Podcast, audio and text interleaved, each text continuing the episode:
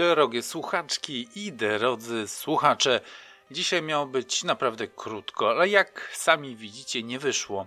Mimo wszystko ten materiał jest bardziej epilogiem do trylogii o dziadach niż kolejnym odcinkiem. Dzisiaj przeanalizujemy trochę książkę Henryka pod tytułem Świat według dziada, poznamy ostatnie lata jego życia, przyjrzymy się upadkowi jego imperium i odpowiemy sobie ostatecznie na pytanie, czy lepiej zejść ze sceny niepokonanym w wieku lat 40, czy dożyć do tej 60? Informacyjnie dodam jeszcze, zwłaszcza dla tych, których mierzą reklamy na YouTube, że w formie podcastu można tego materiału także posłuchać na Spotify, Apple Podcast, Google Podcast i innych platformach streamingowych. Nawet na Emping Go zdaje się.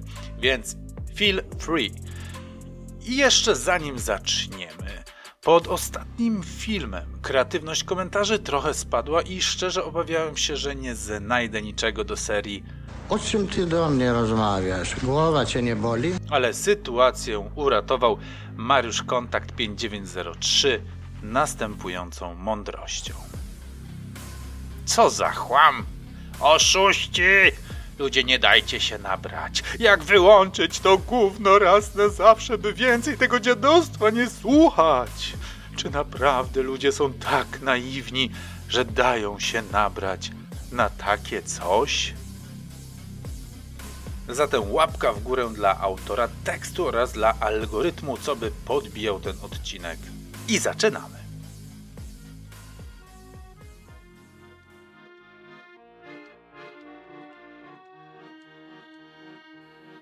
Henryk Niewiadomski, o czym wspominałem już wielokrotnie, był człowiekiem mającym się za osobę niezwykle inteligentną i w zasadzie odmówić mu tego nie można. Jeśli weźmiemy choćby pod uwagę encyklopedyczną, czy też słownikową definicję inteligencji, która mówi, że to zdolność rozumienia, uczenia się oraz wykorzystywania posiadanej wiedzy i umiejętności w sytuacjach nowych, to Henryk wpisuje się tu idealnie.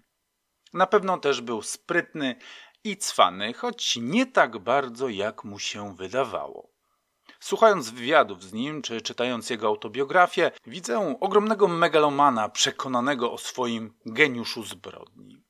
W jego przekonaniu wodził za nos policję, służby, polityków, ale także bosów konkurencyjnych grup.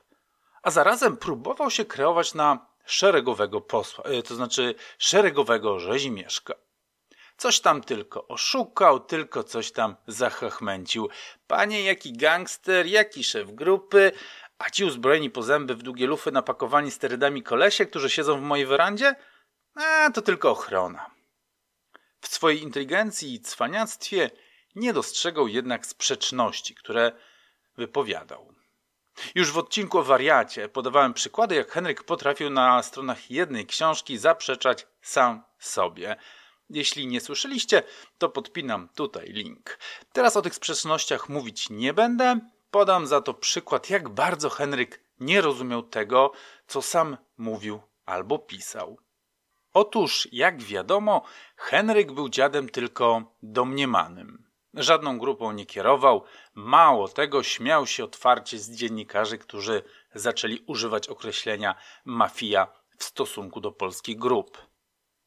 Kiedy dziennikarze masowo zaczęli pisać o mafii pruszkowskiej, pisze dziad w swoich wspomnieniach, a nawet ku mojemu zdumieniu o mafii wołomińskiej, zacząłem pilnie rozglądać się po okolicy, czy gdzieś nie zobaczę jakichś mafiozów. Jeździłem nawet w tym celu do Pruszkowa, ryzykując głową. Tak mi to zagadnienie nie dawało spać. Wszędzie jednak widziałem tylko chłopaków z miasta, którzy główkowali o tym i owym, trochę kradli samochody, trochę szmuglowali spirytus, niektórzy akurat siedzieli, inni byli po wyroku. Ale czy to była już owa niebezpieczna mafia z gazet? Jego drwiny mają swój oczywisty cel. Swoją przestępczą działalność chce umniejszyć do roli nic nieznaczących epizodów. Za chwilę dowiemy się także, kogo on widzi jako prawdziwe zagrożenie, jaką rzeczywistą mafię I już pozwolę sobie od razu zaspoilować, że oczywiście polityków. Ale to za chwilę. Najpierw zatrzymajmy się na jego wypowiedzi, że o mafii można mówić wtedy, kiedy gangsterzy, żyjący z czarnego rynku i innych klasycznych prac sobie właściwych, jak porwania czy haracze, wchodzą w bliskie związki ze światem polityki. Kiedy mafijna sieć zaczyna oplatać struktury państwa niczym pajęczyna. Kiedy całe społeczeństwo zaczyna pracować na ukrytą w mroku niewielką liczebnie superelitę, przechwytującą bezkarnie gigantyczne zyski pochodzące z grabieży finansów publicznych. Henryk nie dostrzega, że w tym właśnie miejscu streszcza swoją działalność, a także swojego przyjaciela Ludka, swojego brata i tych innych wszystkich cudzysłów chłopaków z miasta. I choć ciężko dzisiaj stwierdzić, czy i jak bardzo mógł być powiązany ze strukturami państwa, to bezsprzecznie czerpał zyski z plądrowania finansów publicznych. Może nie bezpośrednio, ale oszukując, mówiąc jego nomenklaturą, na spirytusie okradał budżet państwa.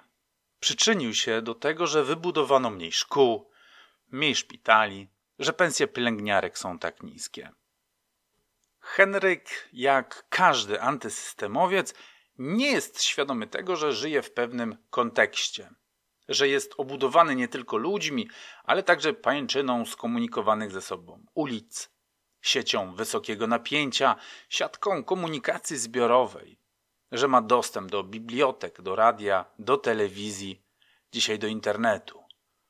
To wszystko jest ze sobą powiązane, musi być administrowane i choć łatwo psioczyć na niekompetencję tego czy innego urzędnika, warto czasem sobie zadać pytanie, czy ja bym sobie poradził, czy poradziło. I choć dla małego społeczeństwa praskiego czy ząbkowskiego dziad mógł wydawać się człowiekiem, który spaja jakoś to środowisko, to na nieco większą skalę jest zwykłym złodziejem, który okrada nie dziesiątki, ale miliony obywateli. Nie można jednak zaprzeczyć, że jego siła brała się z nieudolności państwa. I nie mówię tylko o tym, że aparat nie potrafił go złapać, ale o tym, że też był, czy nadal jest, korupcjogenny i wytworzył drugą narośl zorganizowanej szajki. Jednak nie w ortalionach z łańcuchami na szyjach, lecz w białych kołnierzykach. Szukacie polskiej mafii? Zapytuje nas dziad w swoich wspomnieniach. Rozglądnijcie się dookoła. Popatrzcie na zamordowane fabryki i zakłady pracy, pozamykane kopalnie, huty i stocznie leżące odłogiem ziemię. Zapytajcie każdego z pięciu milionów bezrobotnych, kogo uważa za złodzieja. Mafia to ci, którzy są odpowiedzialni za tę historyczną grabież naszego majątku. I przecież Henryk się w tej kwestii nie myli.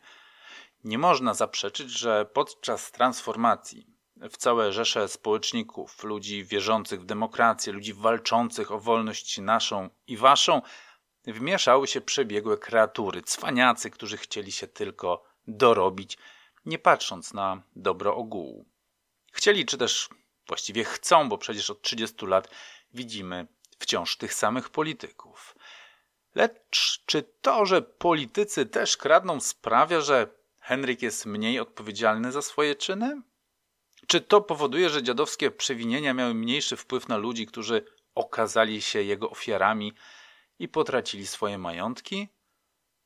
To, że ktoś jest złolem, nie sprawia przecież automatycznie, że nie jestem nim ja.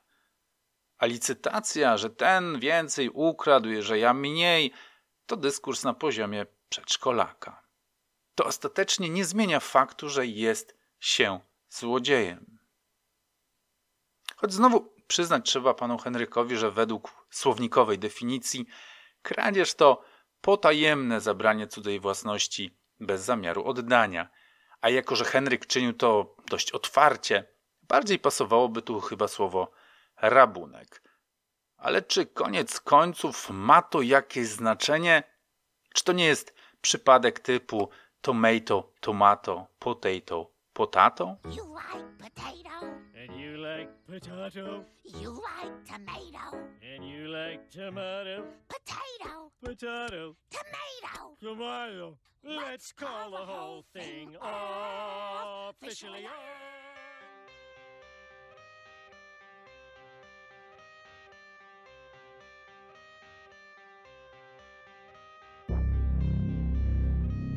Ta historia nie jest biografią, choć wydarzyła się naprawdę.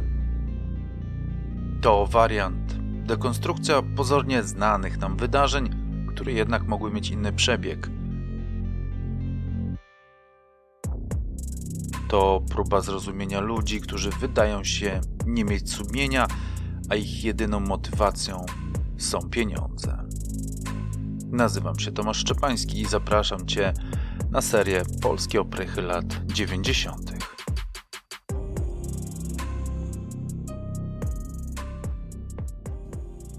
Ostatecznie w moralności dziada przestępca nie jest kimś złym. Choć ewidentnie Henryk ma jakiś problem ze złodziejami. Ale nigdy, tak jak mówię, nie okradłem nikogo.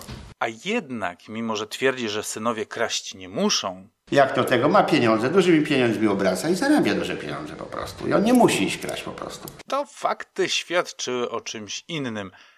A jeśli nie wiecie, o czym mówię, to podpinam link, bo nie o tym teraz. Ja chcę się skupić na tym, że w moralności Henryka przestępca nie tylko nie jest kimś złym, ale to jakaś forma cnoty. I w jego wypowiedziach czuć, że to nie cynizm, że Henryk myśli tak poważnie, że był prawdziwym antysystemowcem i wolnościowcem. Podatki dla niego to zło i najlepiej zarabiać poza oficjalnym obiegiem, aby ich nie płacić. A największą świętość stanowi własność prywatna. Co tam biblioteki publiczne, co tam parki, co rewitalizacja rynków na mieście. Kogo interesują ulice, oświetlenie, równe chodniki, zielone trawniki. Po co komu publiczne toalety, śmietniki i ławki w parku? Najważniejsze przecież, żeby mieć fontannę w ogródku, wybrukowany podjazd do garażu i płot stój.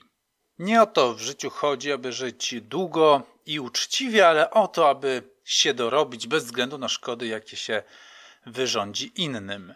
Z jego perspektywy szybkie życie bandyty jest lepsze niż długie i sprawiedliwe życie frajera. Bo tak, dziad otwarcie nazywa ludzi, którzy ciężko pracują frajerami. Frajerami zatem są ci wszyscy, którzy umożliwili i pchnęli nasz rozwój cywilizacyjny. Frajerzy wynaleźli prąd i samochód, frajerzy stworzyli telefony komórkowe i internet. Frajerzy kształcą nasze dzieci, budują autostrady, szpitale, żłobki. Frajerzy naprawiają nam samochody, leczą nas w szpitalach, prowadzą puby i restauracje. Frajerzy wreszcie stworzyli państwo prawa, w którym można czuć się bezpiecznie. Ale na szczęście nie musimy być frajerami. Henryk wspaniałomyślnie pozostawia nam decyzję, kim chcemy w życiu zostać. Czy biednymi frajerami, którzy męczą się do sześćdziesiątki, czy też obrzydliwie bogatymi gangsterami, często niedożywającymi czterdziestu lat, ale zawsze z honorem. Zapamiętajcie proszę ten fragment, bo do niego jeszcze wrócimy. Dalej dziad dzieli się z nami pewną refleksją. Siedząc pod celą, doszedłem do przekonania, że gdyby w tym interesie byli wyłącznie sami ludzie z honorem, to policja byłaby bezradna. Panie Henryku, to zły dobór słów. Gdyby w tym interesie byli ludzie z honorem, to policja byłaby bezrobotna, bo pan chyba nie rozumie słowa honor. Jeśli ktoś oszukuje, ten nie ma honoru. Jeśli ktoś kradnie, kogoś napada, zabiera babci torebkę czy pieniądze na drugie śniadanie koledze ze szkoły, ten nie ma honoru. Jeśli pan przerzuca spirytus nielegalnie, nie ma pan honoru. Jeśli ktoś porywa wreszcie czyjeś dziecko, ten absolutnie nie ma honoru. I kropka, tu nie ma o czym dyskutować. Ba, dodałbym jeszcze, że jeżeli ktoś dyskryminuje mniejszości ze względu na, ja wiem, kolor skóry, orientację, religię, ten też nie ma honoru. No ale nie o tym. Wróćmy do Henka i jego filozoficznych rozważań na temat honoru, które u swej podstawy, jak wspomniałem, są błędne. Pewnie zamiast honor chciał użyć słowa zacietrzewienie. Zróbmy zatem taki eksperyment, że zamienię słowo honor na zacietrzewienie w poniższej wypowiedzi i wtedy chyba nabierze ona więcej sensu. Henryk zadał sobie pytanie: co jest twardsze? Człowiek honoru, to znaczy człowiek zacietrzewiony, czy żelazo?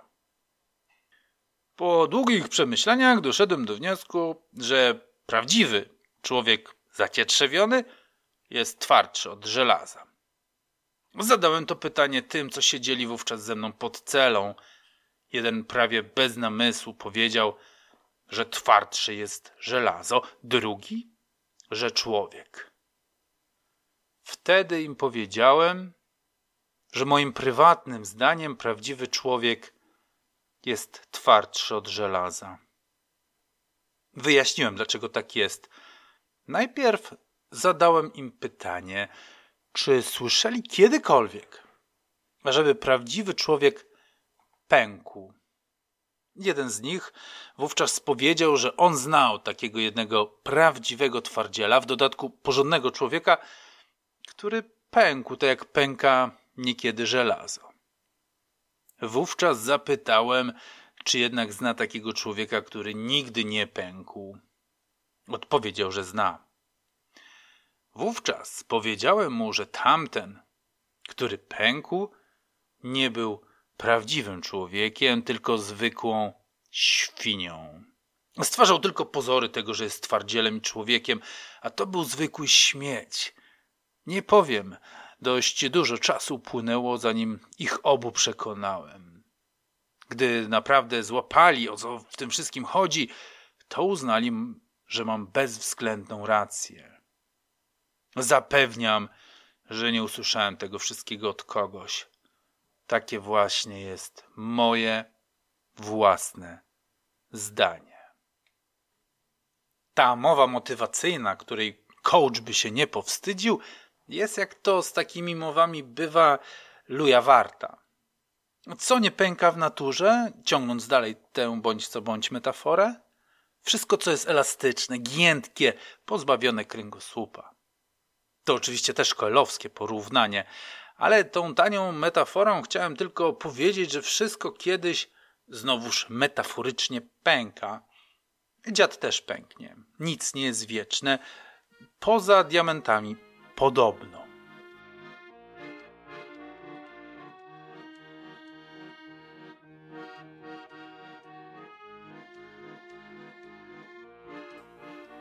Jak każdy prawilny gangster, taki dziad uważał, że policja się go czepia i bezpodstawnie się na nim uwzięła. Brak logicznej spójności jest aż nadto widoczny, więc komentować tego nie będę. Co najwyżej podepnę link jeśli chcecie o tym posłuchać. W 1997 roku dziada zatrzymano w sprawie śmierci dwóch robotników na jego budowie. Oczywiście Henryk nie poczuwał się do odpowiedzialności, że nie zapewnił swoim pracownikom bezpiecznych warunków pracy i był oburzony, że policja miała czelność go aresztować. Choć samo aresztowanie wynikało z tego, że dziad nie stawiał się na rozprawach. Co ciekawe, on sam wytworzył sobie taką narrację, że była to sprawa polityczna i żaden sędzia nie chciał wystawić nakazu aresztowania. Jednak postsowieckie władze, które wtedy rządziły Polską, znalazły takiego jednego sędziego, który niedawno miał wycinanego tętniaka mózgu. Ku naszemu zaskoczeniu dziad chwali się, choć zawoalowanie, swoją wiedzą medyczną. Żaden człowiek, pisze w swoich wspomnieniach, po tak ciężkiej i ryzykownej operacji nie mógłby nadal pełnić funkcji sędziego i wydawać wyroków. Konieczna jest tu długotrwała rekonwalescencja, a i tak do pełni zdrowia się już nie wraca. Okazuje się bowiem, że ten kawałek mózgu, który w czasie operacji pacjentowi wycinają, bywa bardzo potrzebny, Otóż tego sędziego nie wysłano jednak na rentę inwalidzką, tylko przywrócono do pracy. Co prawda, nie na długo. Gdyby ktoś miał wątpliwości co do szlachetności dziada, to przemilcza on nazwisko tego sędziego, a czyni to ze względu na szacunek do jego rodziny. Zwłaszcza, że ów sędzia nie pożył zbyt długo, czego dziad zresztą serdecznie mu życzył. I nie wiem, czy wiecie, ale nie jest to jedyna ofiara bliskich kontaktów dziada z siłami nadprzyrodzonymi. Medycynie jest znany jeszcze jeden przypadek, zresztą z tego samego roku. Młody dziennikarz obiecał Henrykowi autoryzowany wywiad, ale nie dotrzymał słowa. Panie Henryku, co pan z nim zrobił? Kiedyś przyszedł do mnie dziennikarz, zrobił ze mną wywiad i powiedział, że to będzie autoryzowane. I napisał bez mojej zgody. Wie pan co? Pan mnie uwierzy. Tak go przeklełem, ale to pan mnie uwierzy. Może pan zadzwonić i spytać. Super Expressu, młody chłopak. To było w 97 roku chyba. Poszedł, na, pojechał nad wodę, skoczył kręgosłup. Jak widzicie, to nie są żarty i nie ma się z czego śmiać. Powróćmy jednak do wspomnianego aresztowania. Oficjalnie za niestawienie się w sądzie, a tak naprawdę na polecenie pisał dziad we swoich wspomnieniach, a może grzeczną prośbę łopu.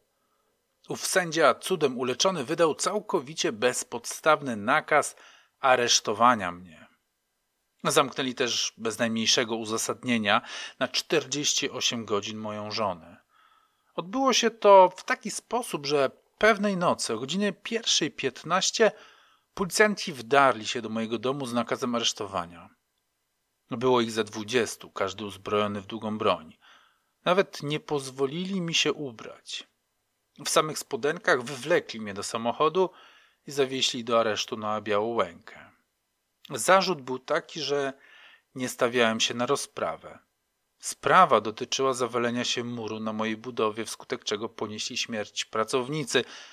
Chodziło więc o nieumyślne spowodowanie śmierci. Był to jednak tylko pretekst. Już po kilku dniach postawiono mi kolejne zarzuty i przybywało ich jak grzybów po deszczu. Pierwszy dotyczył czynnej napaści na policjanta. Miała się ona zdarzyć w tym czasie, kiedy wdarło się do mnie dwudziestu chłopa z kałaszami.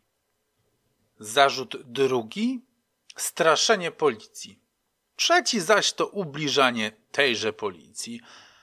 W sumie groziło mi za to, że napadli na mnie w środku nocy w moim własnym domu 12 lat więzienia. Po następnych kilku dniach pojawił się zarzut uczestniczenia w zorganizowanej grupie przestępczej. Tu już wchodziły w grę porwania, wymuszenia i temu podobne. Trzymali mnie na Mokotowie przez 10 miesięcy. W tym czasie toczyły się moje rozmaite procesy, o czym skwapliwie i hałaśliwie rozpisywała się prasa i mówiła telewizja. Z tego pustego wrzastku niewiele wynikło. Za nieumyślne spowodowanie śmierci na budowie sąd wymierzył mi karę w zawieszeniu. Od zarzutu spowodowania wypadku samochodowego zostałem uniewinniony. Za czynną napaść na oddział policji dostałem wyrok w zawieszeniu. Za porwania i wymuszenia nie dostałem niczego, ponieważ prokurator odstąpił od zarzutu. Zauważył po dziesięciu miesiącach, że sprawa nie nadaje się do sądu i postanowił mnie zwolnić z aresztu. Dziennikarze zaczęli się wtedy rozpisywać na temat policji w ząbkach, która wystawiła mi pozytywną opinię. Pytali publicznie, jak to możliwe, że taki bandyta jak dziad może mieć dobrą opinię. No cóż, ja mam pewną teorię, ale nie wiem, czy można ją głośno wypowiadać, bo mogłaby zasugerować, że istniały jakieś powiązania, nie chcę powiedzieć mafijne, między Henrykiem a lokalną władzą wykonawczą, a takich sugestii wolalibyśmy uniknąć. Henryk przesiedział w areszcie długie 10 miesięcy, ale ostatecznie karę mu zawieszono i wrócił do domu. Policja, choć nękała go cały czas, zapukała do niego dopiero 26 maja 99 roku o godzinie 6 rano, bo jakżeby inaczej. Dziad przez ten cały czas był przekonany, że nie zostanie skazany. Panie Henryku, jak ocenia pan pierwszy dzień procesu? Ja pierwszy, tak jak i ostatni. Jestem pewien na 100%, że pan prokurator pójdzie w kajdankach szczęśliwie. A nawet już po skazaniu powtarzał, jak zresztą większość więźniów, że siedzi za niewinność.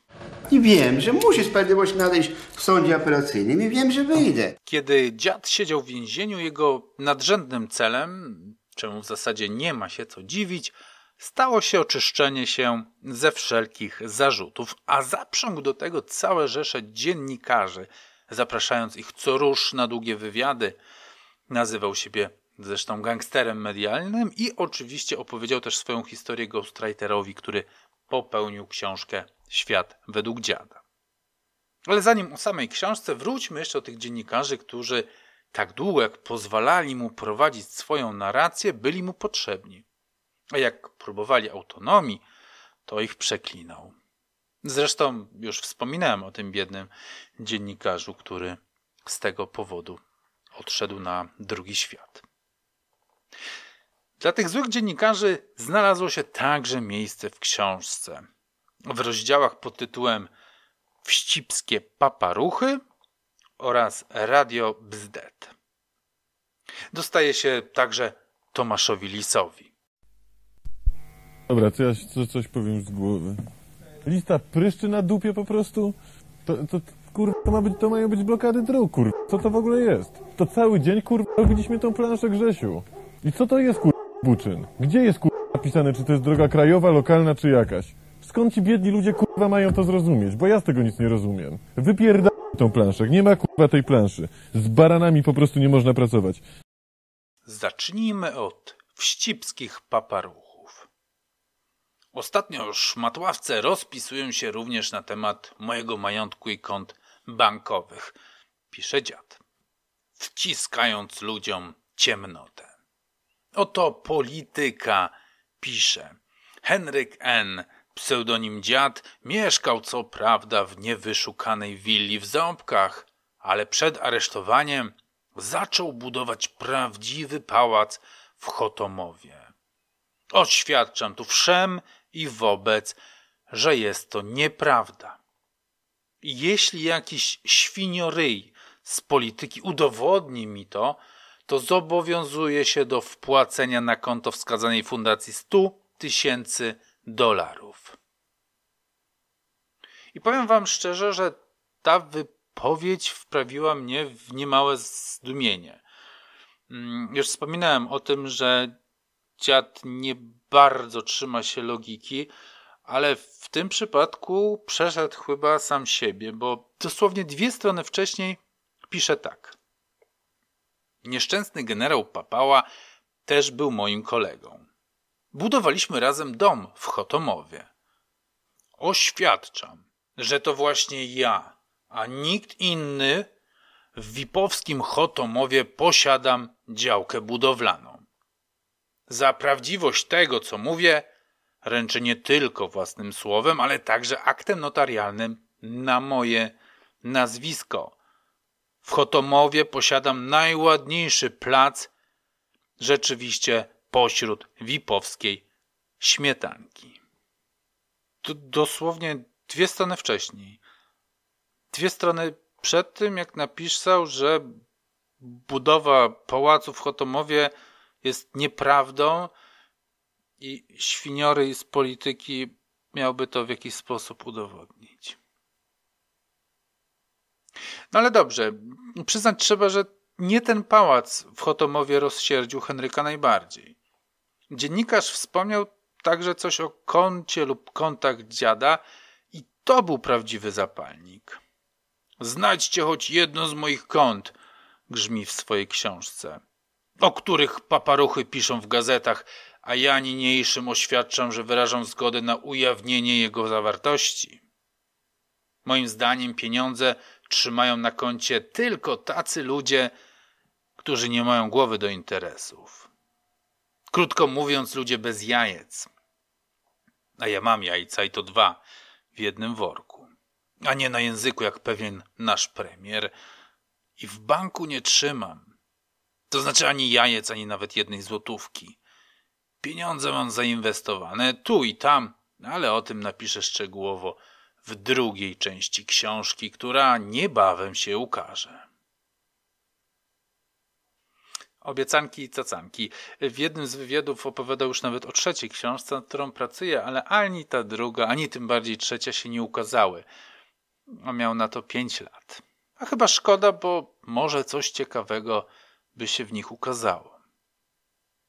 Chociaż szczerze mówiąc, odnoszę wrażenie, że wszystko, co wiedział, co mógł powiedzieć, opowiedział właśnie w tej jednej książce, bo po tych kolorowych na swój krzywy sposób latach dziewięćdziesiątych kiedy dziad opisuje początki polskiego bezprawia, których on był tylko cichym obserwatorem i bezpośrednio w nic nie był zaangażowany, książka zwalnia i staje się przydługim utyskiwaniem, jak to jest źle w tej Polsce? I jacy źli są politycy? I ten system jaki zły? I jaka niesprawiedliwa jest policja, a jacy podli są dziennikarze, a jacy przekupni sędziowie i prokuratorzy – i tak naprawdę to tylko on w tym wszystkim ma honor i kręgosłup moralny. Przyznać jednak trzeba, że w tym zrzędzeniu pojawiła się artystyczna perełka, bo Henryk popełnił mariaż, którego nikt by się nie spodziewał. Otóż jednym tchem, w tandemie, w jednym worku, jak te jajca, o których pisał, umieścił i Kaczyńskiego, i Millera. Nie wiem, czy panowie czytali tę książkę, ale jeśli tak, to musiało ich to srogo zaboleć.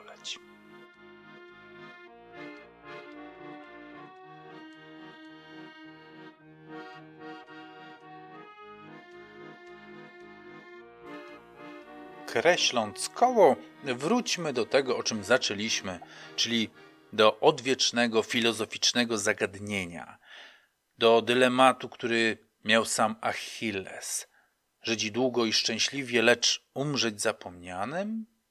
Albo też umrzeć młodo, zdobywając chwałę. Sam Henryk Niewiadomski sformułował to zagadnienie, czy też jego rozwiązanie, następująco.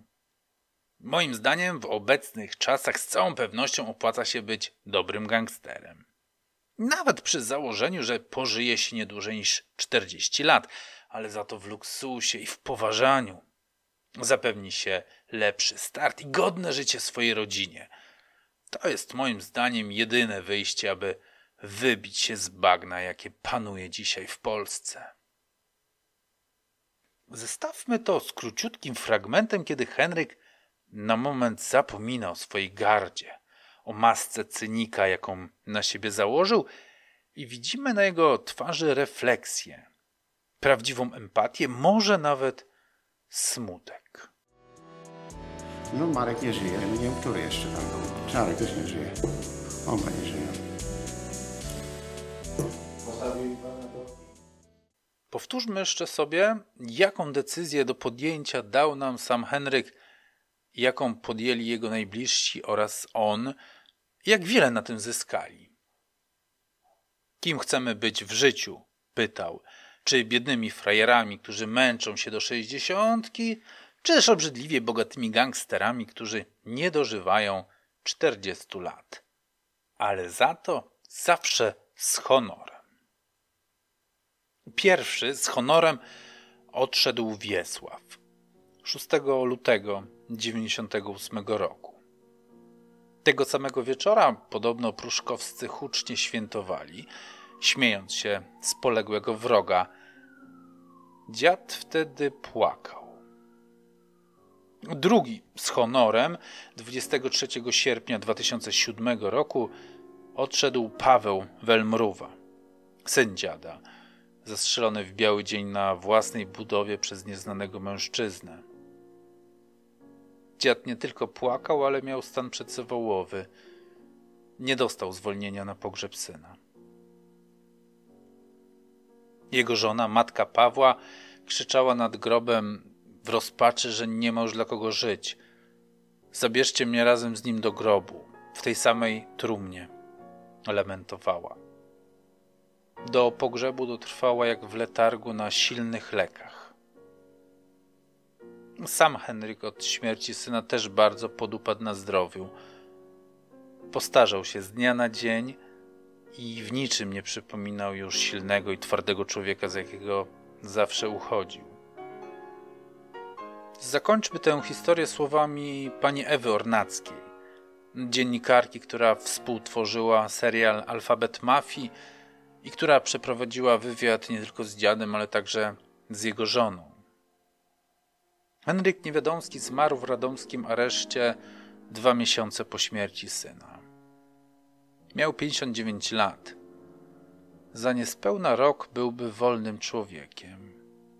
Śmierć nastąpiła nagle podczas porannych zajęć w świetlicy. Serce starego gangstera nie wytrzymało takiej straty. Kiedy media spekulowały o przyczynach śmierci dziada, zdruzgotana Jolanta w ogóle nie czytała gazet.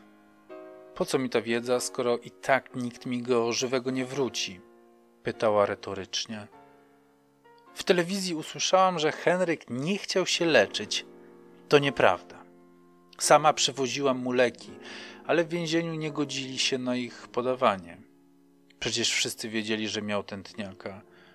Dlatego uważam, że to oni wykończyli mojego męża. Na pytanie, jak wygląda teraz jej życie, odpowiedziała: Trzy razy dziennie jestem na cmentarzu. Żyję pomiędzy grobami najbliższych. Do niczego się nie nadaje. Wciąż jestem na lekach, boję się o syna Roberta, chociaż nikt mu nie groził. Sama z siebie się boję, intuicyjnie. To przecież teraz moje jedyne dziecko. Wciąż nie wie, kto i dlaczego zamordował Pawła, ale stanęła na nogi. Wybudowała nowy dom. Krótko po pogrzebie męża Jolanta po raz kolejny została babcią. Jej synowa, wdowa po Pawle, urodziła zdrową córeczkę. Byłam przy porodzie, mała jest cudowna, mówiła uradowana. To pierwsza dziewczynka w naszej rodzinie. Tato i dziadek bardzo na nią czekali. Zrozumiała, że ma dla kogo żyć.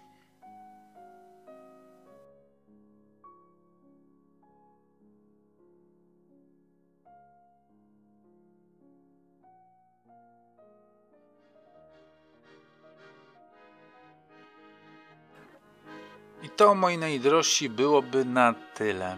Miało być krótko, wyszło nieco dłużej, ale mam nadzieję, że Was nie zanudziłem. Za tydzień będzie coś zupełnie z innej beczki, a potem jeszcze nie wiem. Ale zbieram pomysły, zatem wiecie, żeby Wam nic nie umknęło, zasubskrybujcie. No i też po to, żebym dobił do 10 tysięcy, bo jest coraz bliżej, a to taka fajna, okrągła liczba. Dziękuję serdecznie za uwagę. Pozdrawiam Was i do usłyszenia. Pa!